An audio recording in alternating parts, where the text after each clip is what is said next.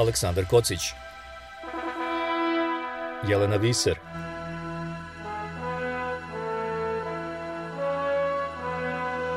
Radio Karantin. Hronika istorije u nastajanju. Ovog meseca Radio Karantin posvećen je klimatskim promenama i naporima da se one zaustave ili ublaže.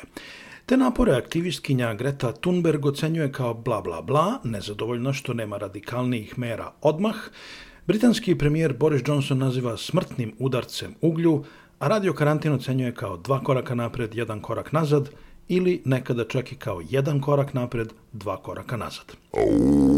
Yeah. Radio karantin. Summit u Glasgowu završen je bez spektakularnih mera, ali sa jasnom porukom da svet klimatske promene shvata ozbiljno i da uglju polako ali sigurno dolazi kraj.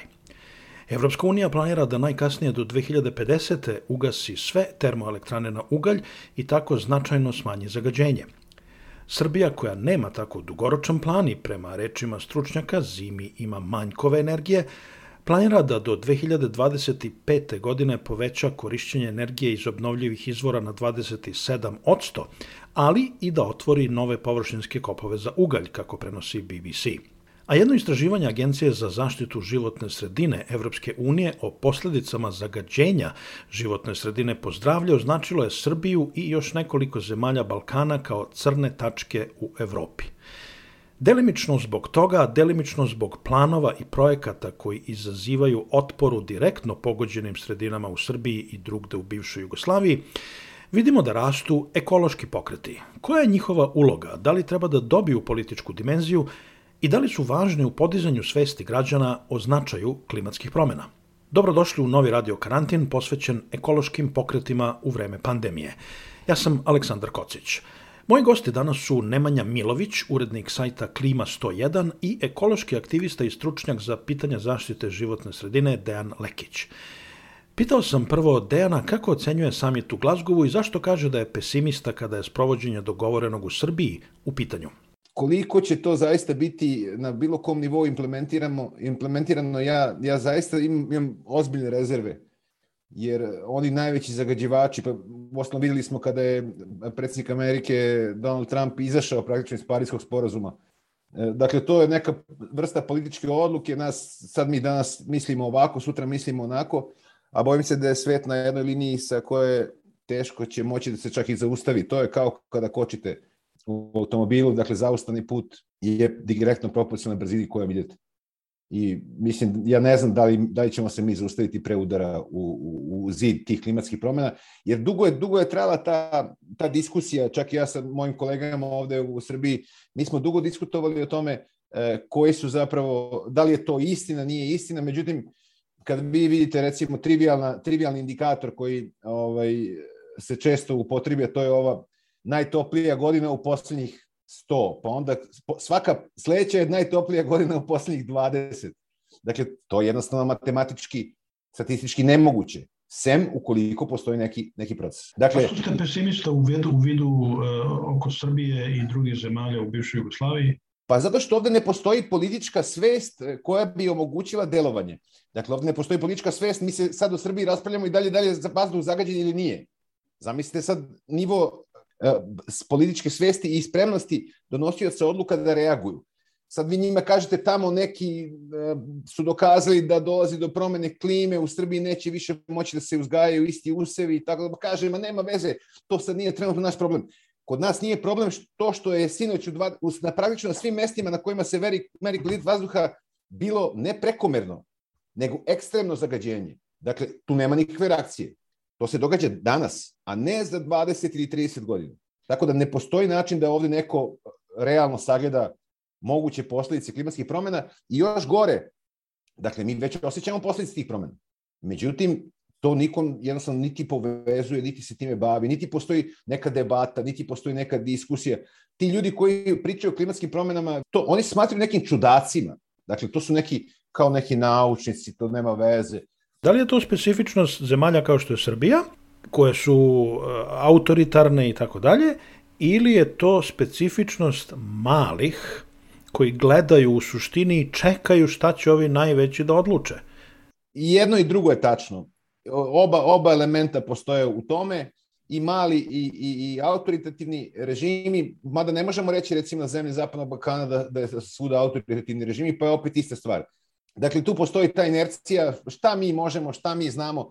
E sad, da bi vi problem klimatskih promjena sveli na, na, ovaj, na zemlje kao što je Srbija, vi onda morate da, da ovaj, imate to u vidu. Dakle, šta sad nas tamo briga za 50 godina što neće biti ovoga ili neće biti onoga, daj mi sad nešto da, da nešto tu uradimo, mi nešto, neki profit mali da imamo i to je to. Ali je činjenica isto tako da se zemlje poput Srbije, poput Crne Gore, Bosne pre svega, oporavljaju od, e, nažalost, e, stravičnih ratova, e, ekonomskog propadanja, sankcija u slučaju Srbije I onda imate puno ljudi koji kažu, dećo, mi sada razmišljamo o klimatskim promenama, mi imamo mnogo važnijih problema.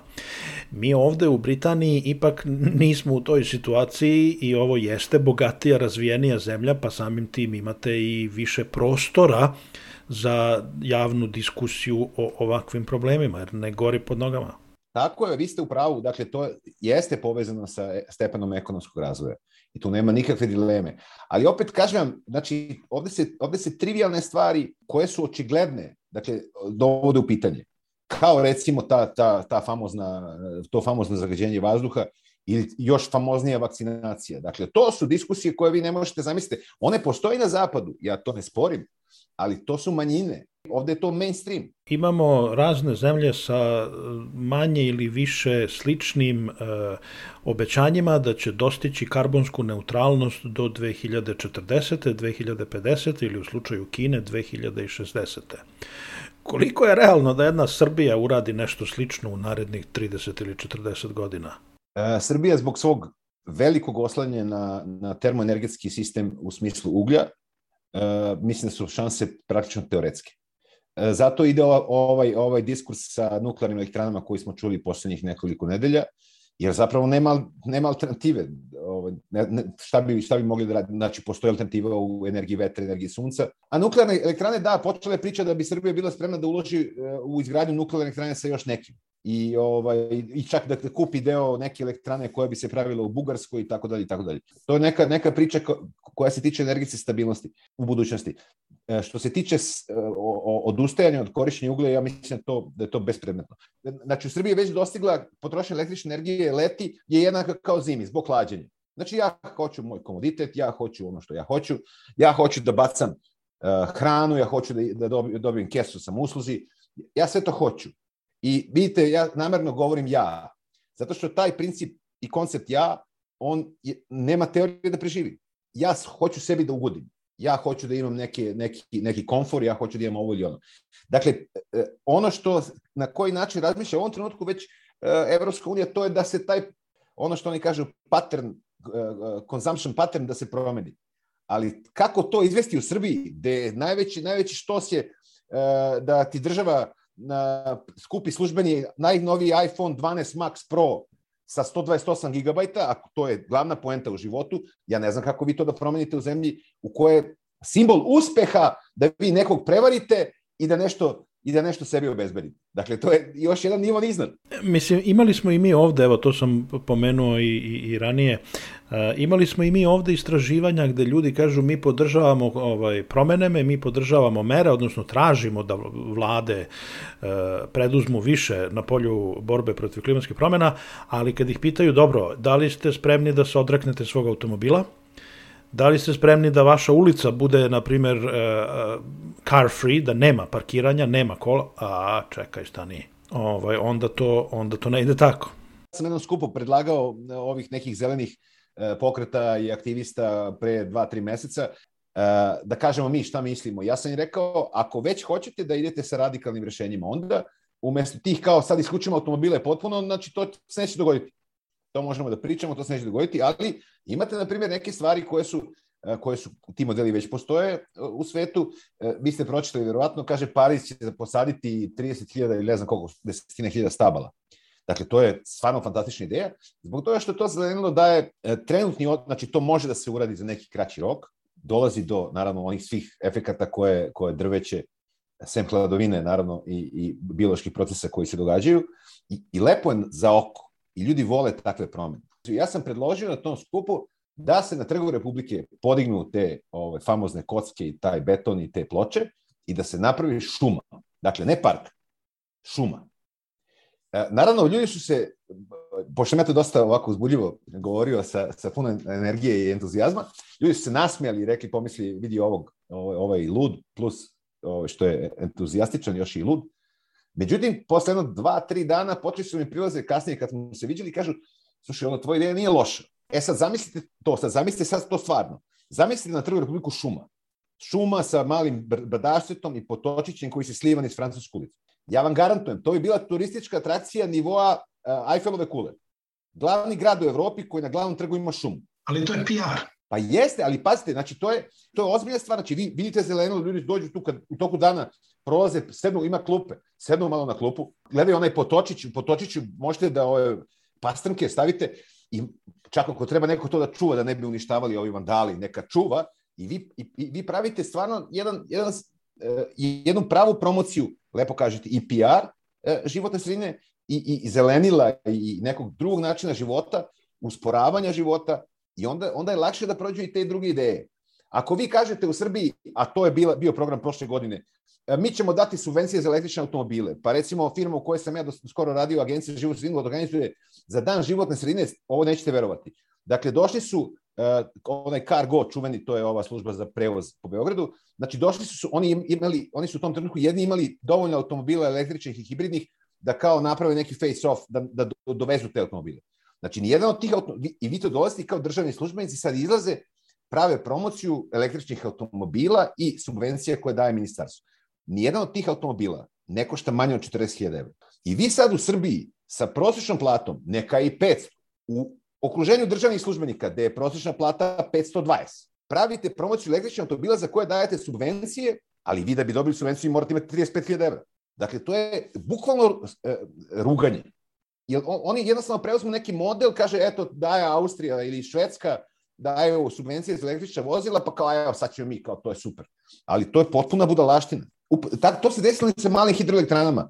Koncept malih hidroelektrana sam po sebi nije loš. Vi koristite snagu e, vode za proizvodnju održive, održivu proizvodnju električne energije na mestima gde to ne utiče na, na, na, na prirodu, ne, ne utiče na, na ribe, ne utiče na, na onaj, kako se kaže, plivanje riba, uzvodno, izvodno, njihovo razmnožavanje i tako dalje. A kod nas se one pravi u zaštićenim područjima. Pa se, znači, to je, ako je nešto zaštićeno područje, šta će tu hidroelektrana? I sad mi diskutujemo tu mesecima, godinama, pokreti se prave čitavi ljudi koji su očajni, koji ne mogu da veruju. Jer mi zapravo jednu dobru ideju zloupotrebimo i od nje napravimo svinjariju, bukvalnom smislu te reči, zbog čega? Pa zbog malog sitnog interesa pojedinca koji ima neki mali taj trenutak mogućnosti da napravi sebi profit i on laka lova ide i to je to. On će napraviti sebi profit. Da li mislite da su baš te uh, male hidroelektrane uh, u neku ruku donele nešto dobro, a to je podigle su ljude i probudile su polako svest o značaju e, zaštite čovekove okoline, pa samim tim e, posredno i zaštite klime. Jer imamo pro, e, proteste u tim mestima za koje ja da budem iskren do juče nisam znao gde su, da ih nađem na karti, Rakita i slično. Sad imamo proteste oko ovih raznih rudnika koji se planiraju, Rio Tinto pre svega, Tako da u neku ruku je to jedna dobra posledica. Imali smo skoro ekološki protest u Beogradu na koji je izašlo nekoliko hiljada ili desetina hiljada ljudi. Znači nije da, nije da baš tema zaštite životne sredine i klimatskih promena ne postoji. Postoji, postoji tema i to je zaista, odlično ste to primetili, jeste ta tema Stare planine i zaštite i pokreta koje je nastao od Branimo reke Stare planine, koje je nastao na, na osnovu odbrane zapravo prava tih ljudi na život ništa drugo. O, ovaj, I ja im stvarno im skidam kapu, uradili su veliku stvar, znači probili su prvu medijsku blokadu, o tome se nije pričalo. O, i, I to je, to je za, sas, sasvim nova stvar. I naravno kad su se pobunili, kad su krenuli da telima brane ovaj, ono što je, što, zašto su smatrali da treba da bude odbranjeno, a svi ćemo se složiti da treba da bude odbranjeno, oni su uradili jednu veliku stvar. Stavili su tu temu životne sredine visoko na agendu. I to se proširilo i širi se i dalje. Ono što ne bi smeli da uradimo to je da iz aktivizma pređemo u neki ekstremizam. Dakle, treba razgovarati, treba argumentovano razgovarati. Na primjer, e, ono što, se, što je danas u Srbiji problem, to je sledeće. E, Rio Tinto je stvar koja je ozbiljno, deluje kao ozbiljno opasna za Srbiju. Izgradnja rudnika litijuma u Srbiji deluje ozbiljno opasna. Zbog čega?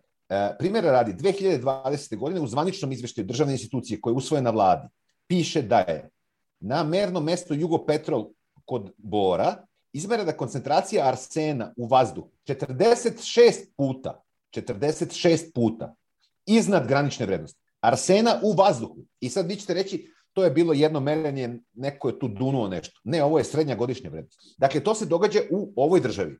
U ovoj državi se događa da u jednom mestu koje, u kome se nalazi i rudnik, čiji je vlasnik strana kompanija, na nekom mernom mestu se izmeri nešto što je u vazduhu, dakle, onaj ko je tu bio kada se to merilo, zamislimo tako, je vrlo verovatno osuđena smrt. Se takve stvari događaju i ne desi se ništa. Na osnovu kog poverenja mi treba da verujemo da će kompanija poput Rio Tinta sa neslavnim, neslavnom prošlošću u smislu korišćenja prirodnih resursa jedne zemlje, u ovoj zemlji koja je zasnovana na korupciji, proći tako što neće umesto da investira u sve ono što bi trebalo da bude zaštita životne sredine u takvim e, rudarskim, topioni, ne znam ja sad kakvim sve procesima, nisam stručan za tu oblast, da će ona umesto da poštuje te, te pravila, ona tutnuti nekom neke pare da, da, da se pravi lud kao što se pravi lud u Boru. Da li mislite da su, e, da su ekološki pokreti u Srbiji ne samo vidimo da jesu način da se podigne svest o značaju zaštite čoveka, da li su istovremeno i način da se podigne politički angažman i da se da problemu ekologije politička dimenzija? Pitanje je odlično, ali ja imam jedan dobar odgovor. Ne bi ljudi, odnosno ne bi političari proglašavali ekologe političarima da se sami bave ekologijom. Dakle, oni sami, ne baveći se onim što im je posao a to je politika u ekologiji, otvaraju prostor za ekologe da se bave politikom. Da li mislite da je u e, ekološkim pokretima prednost ili problem što su jako usko fokusirani na samo jedan konkretan problem u svom kraju?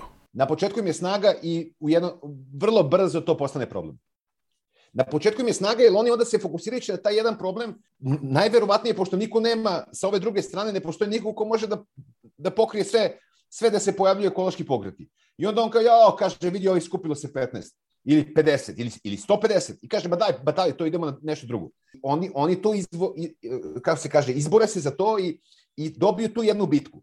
Međutim, problem je sistemski. Dakle, tih bitki ima koliko god hoćete.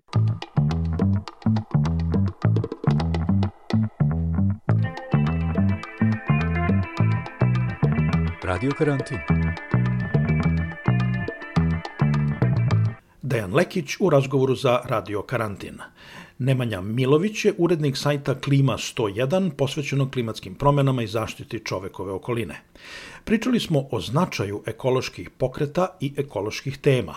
Na početku sam ga pitao da i on oceni samit u Glazgovu. Od Glazgova se nije ni očekivalo da ćemo biti novi Pariz, u nekom smislu će tu biti neki epohalni novi dogovor koji će promeniti paradigmu i tako dalje. Glazgov od stvari treba da potvrdi da ono što je Pariz zamislio, a to je da države na svakih pet godina predstavljaju sve ambicioznije i ambicioznije ciljeve. Ovo, ovaj, znači, Glasgow je trebao da nam pokaže da taj parijski metod radi i mislim da nam je u solidnoj meri to i pokazao. Imali smo nekoliko tih, da kažem, dogovora, deklaracije, inicijativa koje su pokrenute ili koje su dogovorene sad tamo, koje ja takođe mislim da su ok, korak u pravom smeru Što se mene lično tiče, rekao bih da je Glasgow ok, ali to je zato što i nisam imao, zaista nisam imao neka velika očekivanja. Očekivao sam samo, moje očekivanje je bilo i nada, samo da ne bude nekih prevelikih tu svađa i da ne dođe do, do, do nekog blokiranja razgovora i da se tu ne desi ništa specijalno i da onda nakon svega toga ukus u ustima svima bude gorak i da se svi osjećaju kao da, eto, ponovno smo popustili šansu, ništa nismo uradili, pokazalo se da ljudima to nije prioritet i tako dalje. E, ja živim u zemlji domaćino samita, pa je delimično i zbog toga što smo mi domaćini ovde to velika tema. plus eto sticajem okolnosti živimo u gradu domaćinu, ovaj, pa onda imamo i tu temu ono kako nas pogađa u lokalnom životu, šta je u gradu zatvoreno i tako dalje, ali to je sad nebitno. E, koliko je ovaj summit i koliko su klimatske promene ili klimatska kriza e, po vašem mišljenju e, velika tema u Srbiji? Pa rekao bih da nisu velika tema, još uvek, ali da postaju sve veće i veće. Ovaj, mislim da nema, nema dileme. Mi smo čak radili neko malo istraživanje koje sad nije reprezentativno u smislu da bi moglo bilo gde da se objave, ali malo smo pratili koliko se klimatske teme, da kažem, u najširem smislu, koliko se pojavljuju u domaćim medijima u poslednje tri godine i jasno je vidljivo da se pojavljuju sve više i više. To je utisak svih, ali eto, mi smo gledali, pokušali smo to malo da kvantifikujemo, pa smo malo to i brojali i zaista se vidi da to jeste sve više i više i rekao bih i da je ovaj summit bio propraćen više nego, nego prethodni u Madridu u domaćim medijima. Klimatske promene u Srbiji polako zaista postaju tema i polako sve više i više čujemo, da kažem, politički vrh da, da o njima govori. Mi do, dok ova vlada nije došla, praktično Ministarstvo energetike redko kad je uopšte se oglašavalo po pitanju zelene agende po pitanju energetske tranzicije. Baš onako nismo uopšte mogli da čujemo neku jaku poruku sa političkog vrha u Srbiji iz Ministarstva energetike koja kaže prelazimo na obnovljive izvore, to će biti velike investicije i tako dalje. To se promenilo od kako je nova ministarka došla. Ona deklarativno barem dosta priča o tome i govori se o tome, o zelenoj agendi, o obnovljivima. Doneti su ti novi zakoni za koje stručnici kažu da su zaista dobri u smislu da mogu da obezbede ne, da, se, da se tu nešto promeni.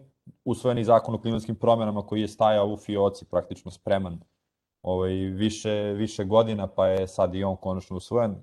Možda bi bilo bolje da je malo revidiran umeđu vremenu, ali i on je usvojen takav kakav je. Tako da mislim da klimatske promene stižu polako na agendu i u Srbiju, ali ono što je tu problem je što još uvek se o tome ne priča na onom nivou na kome ja mislim da bi trebalo. Ja sam, imali smo neki panel pa sam ja pomenuo kao što postoji politička kultura u državama, tako možda postoji i klimatska kultura, a to je neki nivo razgovora o klimatskim promenama koji se vode.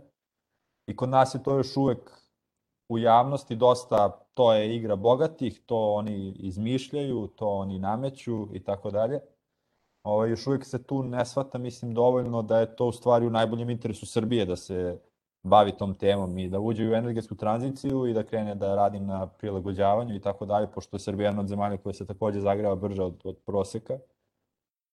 Ali eto, ako bih ono ocenio, rekao bih da postaje tema, ali da još uvek nije, nije dovoljno ozbiljno shvaćena i još uvek se o njoj ne diskutuje na nivou za koji bi se očekivalo da se diskutuje o tako važnoj temi, ali ponovo u Srbiji se ni o čemu ne diskutuje kada se priča o politici, tako da Eto. Da li vi mislite da, je, e, da su klimatske promene zaista u suštini tema kojom se bavi srednja klasa u razvijenim zemljama? Pa ne kažem da ne pogađa druge, pogađa na sve, naravno. I što je najgore, naučnici nam govore, najviše će pogoditi siromašne. Ali Da li se vi slažete sa tim stavovima koje čujemo često, koji su delimično iskreni, delimično malo cinični, da to jeste zaista tema za srednju klasu u razvijenom svetu, Svakako, koja je rešila da, druge probleme? Da, da, svakako ne bi trebalo da bude. Sad, evo, baš sad razmišljam kad ste postavili pitanje, dobro je pitanje u principu. Verovatno i kada bismo pogledali i u Srbiji ili bilo gde istraživanje i kada bi se pogledalo po nekom, da kažem, obrazovnom statusu, imovinskom statusu, da bi klimatske promene bile mnogo bitnija tema za, za ljude koji su bolje stojeći i za ljude koji su obrazovaniji. Ali mislim da tu možemo da možda povučemo i paralelu sa COVID-om. Mislim da je zapravo baš može dobro se povuče paralela, pošto i COVID takođe pogađa više siromašnije slojeve stanovništva. Oni često su rade na mestima, nisu mogli da rade od kuće, nisu mogli da, nisu na početku imali ni možda pristup informacijama, izloženi su svakodnevno virusu, često su i lošijeg zdravstvenog stanja zato što, zato što su i lošijeg imovinskog stanja u smislu da ne mogu sebi ni da priušte nego ili da su možda imali neke druge probleme. Pa ponovo kad pogledamo za koga je pandemija najvažnija stvar i ko misli da je pandemija najveći problem, to su ponovo verovatno ti, to je ponovo verovatno ta srednja klasa, je li tako? Problem je što ljudi još uvek to vide kao poprilično abstraktnu jednu temu, ne vide toliko na ličnom primjeru i nivou kako će to uticati na njih. I onda jednostavno, kada imate neke druge životne probleme, verovatno je teže da se razmišljate sada o budućnosti ili da razmišljate o, o, o nekom globalnom sistemu i kako se on menja i kako se sve to dešava. Tako da mogo bih da se, ajde da kažem, delimično se slažem sa, sa tom tvrdnjom, da iskoristim formulacije iz upitnika koji, koje se sada u Srbiji pojavljaju. A istovremeno vidimo da su a, lokalne ili da ih nazovemo hiper, super lokalne ekološke teme sve važnije u Srbiji, a, tamo gde direktno pogađaju lokalno stanovništvo, osim možda u Beogradu gde konstantno imamo katastrofalnu zagađenost, ali lokalno stanovništvo uglavnom ćuti i trpi. Da li su te lokalne ekološke teme na neki način dobra odskočna daska da se ljudi više zainteresuju za klimatsku promenu ili obrnuto? Jedan globalni pro problem se svodi na samo ono direktno, ono što mene direktno pogađa.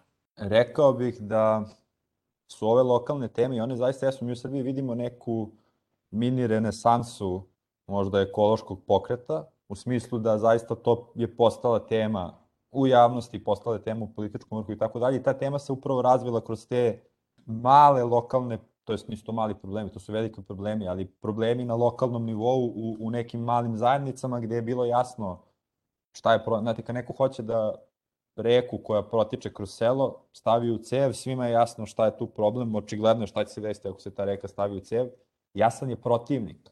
Nije to sad neka globalna priča gde svaka osoba na planeti bukvalno doprinosi malo, pa se to nešto meša u atmosferi, pa se onda nešto manifestuje na različite načine, nego je tačno jasno, aha, to su ti neki investitori koji tu žele da dođu i žele da, da to urade, tako da ljudi znaju protiv čega se bore, bore se protiv tih osoba koje su tu, koje hoće da urede tu konkretnu stvar, ne bore se protiv porasta temperature, je li tako?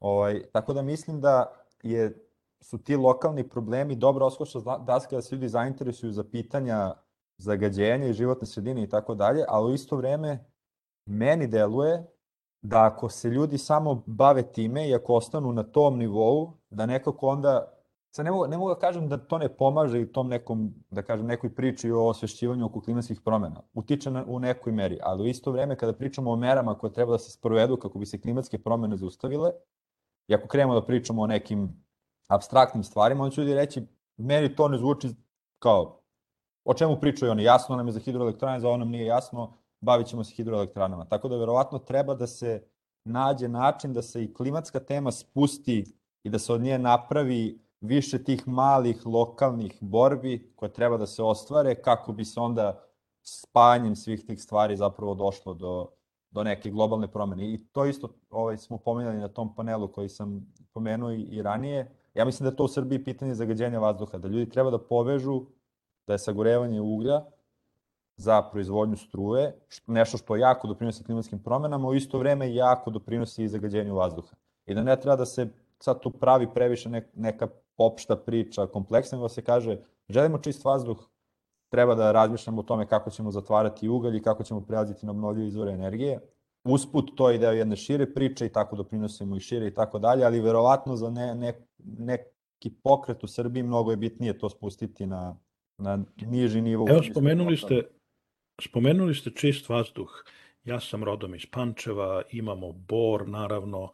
E, zašto je Beograd ako je verovati ovim aplikacijama koje mere zagađenost širom sveta, zašto je Beograd uporno u vrhu kao jedan od najzagađenijih da li glavnih gradova, da li velikih gradova, u čemu je problem? Pa problem je, mislim, kad gledamo te aplikacije, one, one pokazuju to kao pokazuju zapravo te glavne i najveće gradove. I onda je tu Beograd u vrhu, a tu nema drugih gradova u Srbiji koji su često i zagađeniji od Beograda ali ih nema tu, pošto ne upadaju verovatno u tu kategoriju, ne znam koja je tačno kategorizacija na, na tim aplikacijama. Mislim, problem u Srbiji zagađenja vazduha je sa više različitih strana ga treba gledati. Mi kada gledamo zvanične izveštaje Agencije za zaštitu životne sredine, mi vidimo da najveći doprinosilac tom čestičnom zagađenju koji pravi najveće probleme u najvećem broju gradova u Srbiji su individualna ložišta i, i, i male, male toplane i to zapravo jeste, to je primarna emisija tih čestica. Znači, odatle dolazi najviše tih čestica koje se primarno emituju, ali ono što mi udišemo i ono što se nalazi u vazduhu, te PM čestice ne dolaze samo iz te primarne emisije, nego dolaze i iz nečega što se zove sekundarna partikulacija, to je kada se određeni gasovi kao što su sumporovi oksidi, koje naše termoelektrane emituju višestruko više nego što bi smele, mislim da je 15 ili 16 puta više nego, od dozvoljene granice se emituje u Srbiji. E sad, svi ti sumporovi oksidi koji se nalazu u vazduhu, kada su uslovi kako treba, a uslovi su kako treba zimi, kada je visoka vlažnost vazduha, kada nema vetra, kada je pritisak takav da onako sabije, da kažem, sve to, da ne, da ne dozvoli da zagađenje ode u, u visinu, e, tada dolazi do te sekundarne partikulacije kada ti sumporovi oksidi prelaze takođe u PM čestice. I to su te epizode zagađenja kada imamo ono, kada sve ode u ljubičastu i kada je sve užasno. I jedan rad koji je bio u časopisu Nature objavljen, koji je gledao na globalnom nivou šta su glavni izvori PM 2,5 čestica, u Srbiji je naveo da je najveći pojedinačni izvor upravo to, sagorevanje uglja u termoelektranama, zato što su oni merili ne samo tu primarnu emisiju, nego su merili u vazduhu odakle se, odakle se to nalazi. Tako da u Srbiji je problem, znači problem je i to na šta se ljudi greju, problem je neadekvatna primjena priprema goriva za grejnu sezonu, drvo se ne osuši, bude vlažno, na taj način mnogo više zagađuje kada se sagoreva, šporeti su neefikasni, pa se zbog toga troši mnogo više goriva, neefikasne su kuće i zgrade su energetski neefikasne, pa trošimo, na primjer, u Srbiji više energije prosečno nego što se troši u Europskoj uniji po glavi stanovnika. I onda, znači, na sve te stvari imamo i, i bonus, taj ugalj, koji u principu dovodi do, do toga da ono što bi inače bio vazduh koji je zagađen, i bio bi uvek zagađen, ali onda sve to kad se spoji, kad se ti uslovi pogode, onda dobijemo te epizode ekstremnog zagađenja, kada zaista, kad izađete napolje, osjećate smrad i vidite, bukvalno vidite smog koliki je. Tako da... Ali koliko vidimo, građani Beograda uglavnom, kažem, čute i trpe, e, to za sada nije e, izvelo ljude na ulici ili u nekakav organizovani vid protesta. Sa druge strane, imamo famozni Rio Tinto i njihov dolazak u Srbiju i oko toga svi imaju mišljenje, ali nisam siguran koliko svi zaista znamo o čemu se tu radi. Pa sam prvo teo da vas pitam da li možete da, da mi sumirate e, šta tačno Rio Tinto planira u Srbiji i u čemu je problem? Bili su protesti u Beogradu povodom zagađenja vazduha. Nisu bili nešto užasno posjećeni, ali bilo je tu, skupilo se nekoliko hiljada ljudi, to je uvek teško proceniti koliko ljudi zaista ima i tako dalje. Tako da ljudi se bune, oglašavaju se, na društvenim mrežama se uvek dele te slike, vidi se. Ljudi su postali u Beogradu svesni problema kvaliteta vazduha, mislim da još uvek ne znaju kako to sve može da se reši, ne mogu to da artikulišu, ali ne bih rekao da je baš da samo ćuti i trpe, već smo već ušli u tu neku drugu fazu kada se aktivno traži neka, neko rešenje za to i vidjet ćemo sad slede gradski izbori. Ja očekujem da će to biti jedna od, od važnijih tema na gradskim izborima. A što se tiče Rio Tinta, mislim da svi imaju mišljenje o Rio Tintu i svi su protiv toga. Ponovo kad se vratimo na onu istu priču o mini hidroelektranama, jasno je, imamo jednu prirodnu sredinu koja izgleda tako kako izgleda, očekuje se neka promena tu, to je u ovom slučaju velika međunarodna korporacija koja ima track record na engleskom, a na srpskom je ima istoriju jako, jako loših postupaka i uništenja životne sredine i ljudi su sa strahom se boje i zabrinuti su šta bi to moglo da znači tu u Srbiji. Sad, ja... Gde i šta nisam... tačno oni hoće da kopaju? Pa hoće da kopaju litijum. Gde? U, u okolini Jadra. Ovaj, to A litijum nam treba zbog čega? A litijum nam treba za, za baterije i za, za energetsku tranziciju. Dobro. I to je velika poslovna šansa. To jeste u Srbiji poslovna šansa sigurno, nema tu, nema tu sumnje. A gde je opasnost? Ja mogu vam kažem gde ljudi vide opasnost. Ljudi vide opasnost u uništenju životne sredine. Znači, ljudi se boje i imamo tu i, i dosta ljudi iz akademske zajednice koji su se aktivirali, koji su rekli u principu tu će se, pominju se načini na koji će se ta ruda vaditi, pominje se količina vode koja će se tu trošiti, koliko tu zapravo količina materijala svakog dana će proći i tako dalje. I ljudi se boje po mom mišljenju se sa pravom boje, s obzirom da u Srbiji se propisi i zakoni ne sprovode baš kako bi trebalo. Ljudi se boje da će se to raditi na način na koji će u potpunosti uništiti tu okolinu.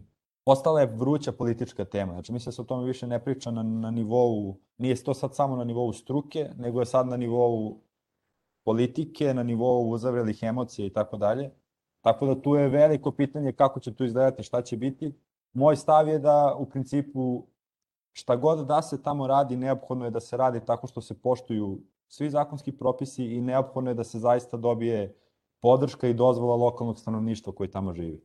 Neka prirodna iseljavanja ili, ili pravljenje dogovora koji te ljude isključuju iz te priče je duboko pogrešno, zato što onda dolazimo u situaciju da u, u želji da rešimo klimatske promene ponovo radimo to na isti način i prateći istu filozofiju kao ranije i onda ono, ako krenemo da ponovo pratimo tu istu filozofiju, neće se to dobro završiti. Ali ono što je činjenica i što ste vi u pitanjima pomenuli, sa čim se apsolutno slažem, nama će ti redki minerali će biti neophodni za energetsku tranziciju. I tu nema nikakve dileme. I mi ćemo morati da svi globalno shvatimo da energetska tranzicija nije samo da svako ima solarni panel na svom krovu, i možda neku malu vetrenjaču u svom dvorištu na selu i tako dalje, nego su to ogromni projekti koji takođe menjaju životnu sredinu i imaju veliki uticaj na životnu sredinu. Samo je pitanje šta je veći uticaj i šta je veća šteta. Evo, spomenuli ste da je ta sada tema oko Rio Tinta prešla u domen politike. Ja bih na to rekao da je to prilično normalna stvar koja se dešava svuda u svetu.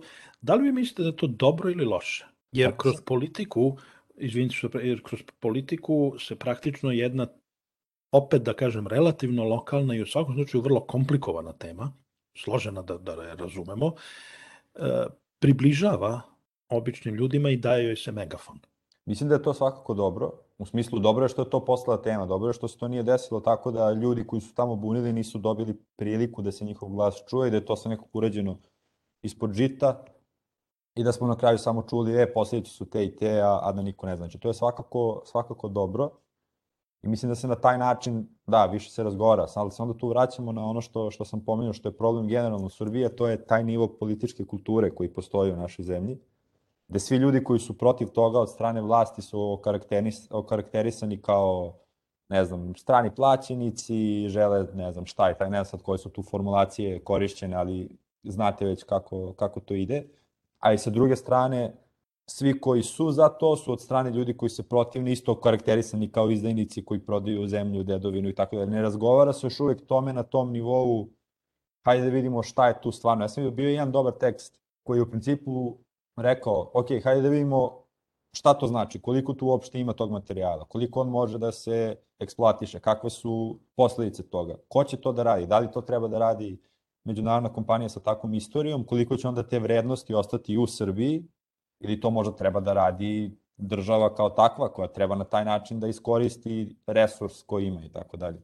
I mislim da se na tom nivou bi trebalo da se diskutuje i da se vidi i da šta je najbolje rešenje zaista. Možda je najbolje rešenje da se to uopšte ne radi. Možda je najbolje rešenje da se to radi tako što će raditi država ili šta god. Ali trenutno nemamo taj dijalog, nego je dijalog na tom nivou. Vi ste plaćenici zašto ste bunite, vi ste izdanici zato što to želite, i onda tu nema razgovora i ne može da se dođe do, do toga šta je zapravo optimalno rešenje za celu tu priču. Vi uh, ste urednik uh, jednog fantastičnog sajta koji pokriva ekološke teme i koji to uh, radi i objašnjava na jedan jako pristupačan način. Ekologija i klimatske promene su zaista vrlo komplikovane teme koje uopšte nije lako razumeti. Kakvi su izazovi tu? Koliko je teško ili lako te teme zaista približiti uh, običnim građanima? Rekao bih da je vrlo izazovno, ali i izazovno je generalno zainteresovati ljude. Ljudi su zainteresovani za ekološke teme, ali se interesuju kada je vazduh zagađen i tog dana su jako zainteresovani. Ako se desi da 5 dana vazduh bude ok kvaliteta, šestog dana već više nisu toliko zainteresovani kao što su bili onog prvog kada je Beograd bio na prvom mestu na listi najzagađenijih gradova na svetu. Tako da se tu možda vraćamo na onu priču koju ste vi pomenuli sa početka, da li su sve ove teme samo tema za pripadnike srednje klase razvijenih država, jer mi zaista vidimo, vidimo na izborima, na primjer, u Nemačkoj, vidimo na izborima u Britaniji, vi ste pomenuli i tako dalje, da tu to postaje sve više i više tema, videli smo na izborima u Americi, na ovim, u ovim drugim državama to još uvijek nisu toliko velike teme, ajde da vidimo kako će sad izgledati to u Srbiji, ali mislim da je to neki proces koji mora da ide paralelno, ljudi moraju da se zainteresuju više za to, ali i, i veće interesovanje za te teme prirodno ide sa tim kada ste razrešili te osnovne potrebe koje imate u smislu da li imate dovoljno da jedete, da li ste rešili sve račune, da li deca imaju šta da nose u školu i tako dalje. Pa onda kada ste sve to razrešili, onda možete, imate više mentalnog prostora da brinete i o ovim drugim stvarima. Mladima u Srbiji još uvek ovo nije Oni su svesni da se to dešava i reći će verovatno da, da, to se dešava i to treba da se reši, ali mislim da uopšte nemaju u velikoj meri taj nivo spremnosti na, na neku akciju i na neko angažovanje kako bi se to promenilo. Ima naravno izuzetaka, ima ljudi, ima dece koja se tu, koja se time bave i koja pokušavaju nešto da promene, ali procentualno deluje mi, deluje mi manje nego, nego tim zapadnim zemljama. A to ponovo polazi, mladi su ogledalo svojih roditelja. Ako u kući se o tome uopšte ne priča ili se nikad nije ni pričalo i tako dalje, teško je da očekujemo i da, da će deca u toliko imati dramatično drugačiji stav u odnosu na roditelje. Bio je to Nemanja Milović. Pre njega čuli ste i Dejana Lekića. Radio karantin. Tokom decembra i januara Radio Karantin biće posvećen drugoj godišnjici pandemije. Podsjetit ćemo se na početke pandemije, na karantine koji, kako vidimo, nikako da nestanu. Pričat ćemo sa ljudima koji imaju sasvim obična zanimanja u ovo ni malo obično vreme i tražit ćemo odgovor na pitanje šta dalje. Pratite Radio Karantin na Soundcloudu i drugim vodećim podcast platformama i podržite naš rad jednokratnom ili mesečnom uplatom preko Paypala i Patreona. Informacije su na našem web sajtu radiokarantin.eu. Čujemo se. Aleksandar Kocić.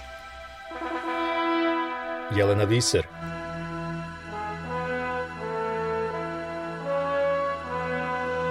Radio Karantin. Hronika istorije u nastajanju